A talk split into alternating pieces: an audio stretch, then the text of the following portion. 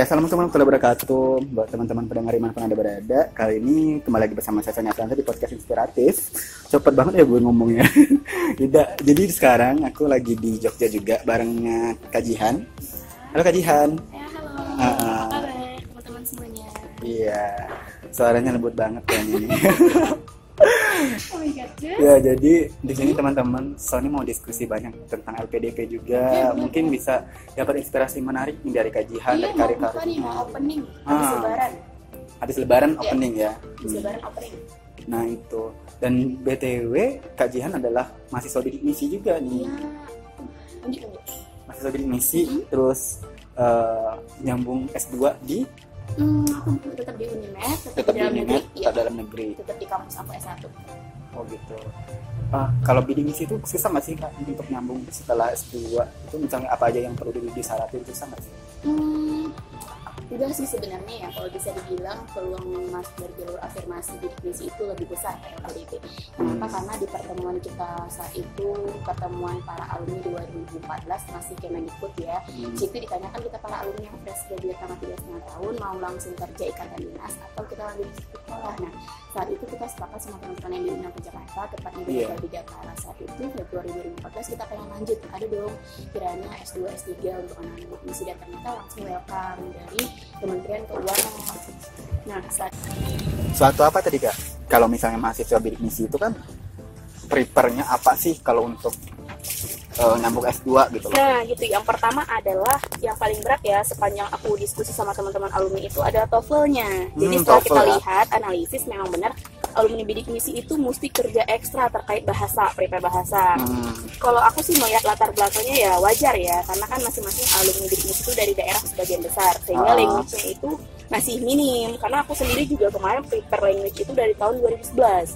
Jadi Hmm. 2011 akhir semester 3 itu ya, aku udah prepare TOEFL walaupun teman-teman saat itu masih belum kenal apa itu TOEFL sedangkan aku Oh. udah tes dan pertama kali aku tes itu 375 itu rendah banget kan 375 ya terus aku latihan terus aku memang harus ketika seseorang mungkin bisa le- masuk level TOEFL itu dalam satu bulan Hmm. mungkin kayak kita bisa butuh waktu satu tahun nih misalnya sehingga Ah. kita butuh kerja ekstra di bagian TOEFL jadi saran aku untuk alumni bidik misi language-nya dulu deh di di ini kan di ditotalin Ah. dan jangan mudah menyerah karena aku juga dapetin skor TOEFL itu butuh waktu yang lama banget dan ketika sudah dapat misalnya skor TOEFL kayak kemarin gue udah dapet tuh di tahun 2013 skor yang diminta kan minimal 400 alumni bidik misi Iya. nah itu kan expired 2 tahun.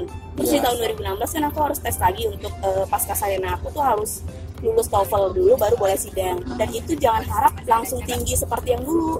Karena yang namanya kita udah lama ninggalin kita harus exercise lagi harus latihan lagi. Sehingga yang namanya TOEFL itu atau bahasa itu harus banyak latihan. Itu di TOEFL ya Nah ketika di 2016 aku harus prepare lagi, harus latihan lagi, harus belajar lagi. So aku aja yang udah punya skor harus latihan lagi, harus belajar lagi. Bagaimana dengan teman-teman yang belum sama sekali TOEFL? Jadi eh, memang harus sih yang namanya TOEFL itu latihan gitu. Itu yang sangat-sangat urgent bagi alumni bidik misi untuk disiapin.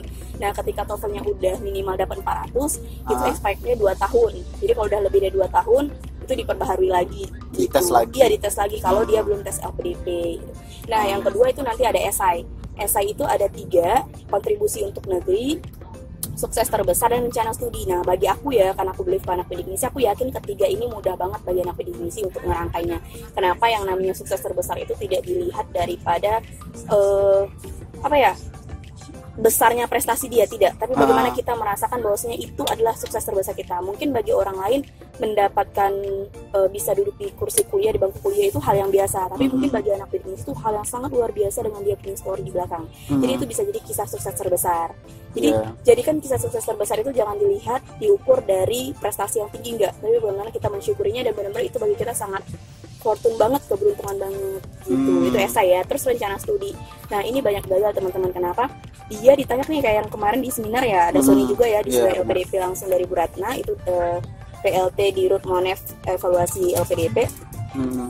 banyak kan ditanya kamu ngapain mau S2 eh ya pengen lanjut kuliah bu. Nah that's not itu bukan sebuah jawaban yang kita mau gitu. Jadi ketika ditanya kamu kenapa harus S2 iya bu karena berdasarkan latar belakang studi saya di daerah saya membutuhkan tamatan magister yang seperti ini sesuai dengan eh, linear disiplin ilmu kita Oh, gitu jadi- atau mungkin kalaupun kita nggak linear disiplin tapi daerah kita membutuhkan itu Hmm. gitu dan uh, yang adalah hal yang urgensi membuat kita lanjut S2 misalnya kayak gue kenapa gue lanjut pengen lanjut S2 dan kenapa nggak keluar negeri atau keluar Sumatera karena dalam cangkupan PGSD linear ilmu gue gitu kan Mm-mm. selama ini tuh guru-guru SD itu SDM masih kurang ya walaupun Hmm. banyak juga yang yang sudah hari ini tuh sudah berkembang jadi Iya. gue pengen walaupun gue nantinya profesor tapi gue tetap ngajar di SD gitu jadi gue pengen menjadi eh, apa ya limited lah dibandingkan dengan orang yang lain seperti itu Oh. jadi kalau teman-teman misal dari pertanian Mm-mm.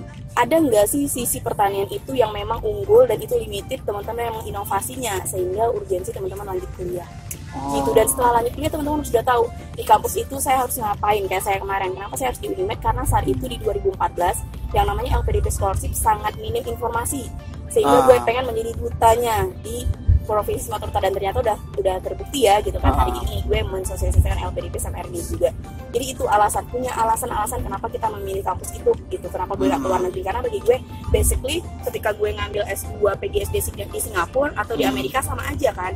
Mahasiswa SD yang gue ajar tuh siswa Tetap SD di Indonesia, Indonesia. yang makannya nasi bukan keju. Ya, Terus kalau gue belajar semua apa sih ya eh, teknologi digital yang canggih di luar negeri belum tentu diterapin di Indonesia. Apa Ya. Indonesia mampu dengan kecanggihan teknologi? Benar. Basically itu alasan gue gue paparin. Pokoknya kita itu harus punya alasan kenapa harus mengambil jurusan itu. Itulah dia di rencana studi termasuk berapa SKS, apa aja mata kuliah yang akan kita ambil kita tuh Hmm. sudah paham semuanya gitu. Termasuk Oke.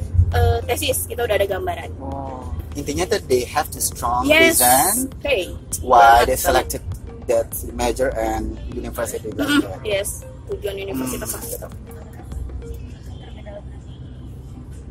Oke Mbak Jihan, jadi sebenarnya di Universitas Jambi itu memang eh, apa ya, a little bit eh, about information, Hmm. LPDP gitu. So, mau apa sih eh, keunggulan LPDP dan juga berapa kuota yang eh, ada di LPDP khususnya afirmasi yang katanya jalur bidik misi dan gitu. Oke, kalau untuk kuota berarti kita belum bicara angka ya. Hmm. Kuota itu tidak pernah ada kuota angka sih, misalnya harus 800 orang, 800 yang lulus enggak. Jadi Hmm. tergantung eh, beberapa orang peserta ini yang pantas masuk. Jadi kalaupun nanti misalnya disediakan anggaran eh, 100 triliun misalnya, Hmm. tapi memang yang mendaftar itu 1000, tapi 1000 itu nggak memenuhi indikator, Oh, ya sama betul, aja kita akan ambil yang 10 orang aja. Jadi nanti biasanya kalau misalnya tidak memenuhi eh, sesuai dengan anggaran akan ada buka seleksi lagi seperti itu. Oh, Nah, lagi terus tetapi ya. kalau misalnya nih kita cuma punya anggaran kayak tadi eh, misalnya 10 triliun, terus Hmm. diterima 1000 mahasiswa. Nah, yang daftar dan yang pantas ternyata ada 1200, itu akan tetap diterima. Jadi kita akan Hmm. berpikir untuk bagaimana cara menangannya gitu. Jadi kalau masalah kuota sebenarnya tidak ada yang terlalu signifikan. Tapi Gitu. katanya 80% afirmasi untuk bidik misi gitu. iya, itu- LPDP itu 80%. Iya, bagiannya. Cuman kan terkadang tidak mencukupi. Dalam artian tidak masuk. Jadi kita mencari 1000 mahasiswa tapi yang daftar cuma 800 gitu. Oh, Tapi jadi bukan berarti itu. Iya, gitu ya? tapi bukan Oke. berarti karena 800 yang daftar terus lulus semua enggak dong. Banyak Enggak. juga kok anak bidik misi yang enggak lulus. Oh gitu. Jadi emang Nah kira-kira kenapa memang harus why selected this LPDP? Ya, why like eh, that? sampai hari ini ya itu trending banget untuk dari Indonesia dari pemerintah Indonesia beasiswa itu yang paling terjamin itu LPDP karena ada FA Family Allowance jadi kalau Yes. kita bawa keluarga itu ditanggung suami atau istri ditanggung anak sampai dua terus juga tidak ada keterlambatan pencairan. Jadi itu setiap misalnya kita intake mulai kuliah tanggal 25 Agustus. Hmm. 26 itu mulai kita ditransfer kan tiga bulan di awal terus nanti tanggal 26 di bulan tiga bulan ke depan itu bakal masuk sendiri secara otomatis dari eh, program m-banking seperti itu. Jadi tidak ada keterlambatan sampai hari ini masalah pentransferan uang. Beda dengan kampus eh, beasiswa-beasiswa lain seperti itu. Oh, juga dari besaran nominal itu juga dibandingkan misal dengan eh, beasiswa yang lain misalnya AS atau dari Jerman, Prancis, Jepang itu jauh lebih besar. Memang dari LPDP Oh, gitu. karena dia lebih besarnya di biaya hidup itu namanya LA living allowance itu disesuaikan dengan Hmm. eh, kondisi kebutuhan negara atau kampus tersebut. Dan itu beda-beda nggak disamaratakan. Kalau beasiswa Oh. lain itu kan disamaratakan. Iya, misalnya iya. kamu kuliah di UPI dengan di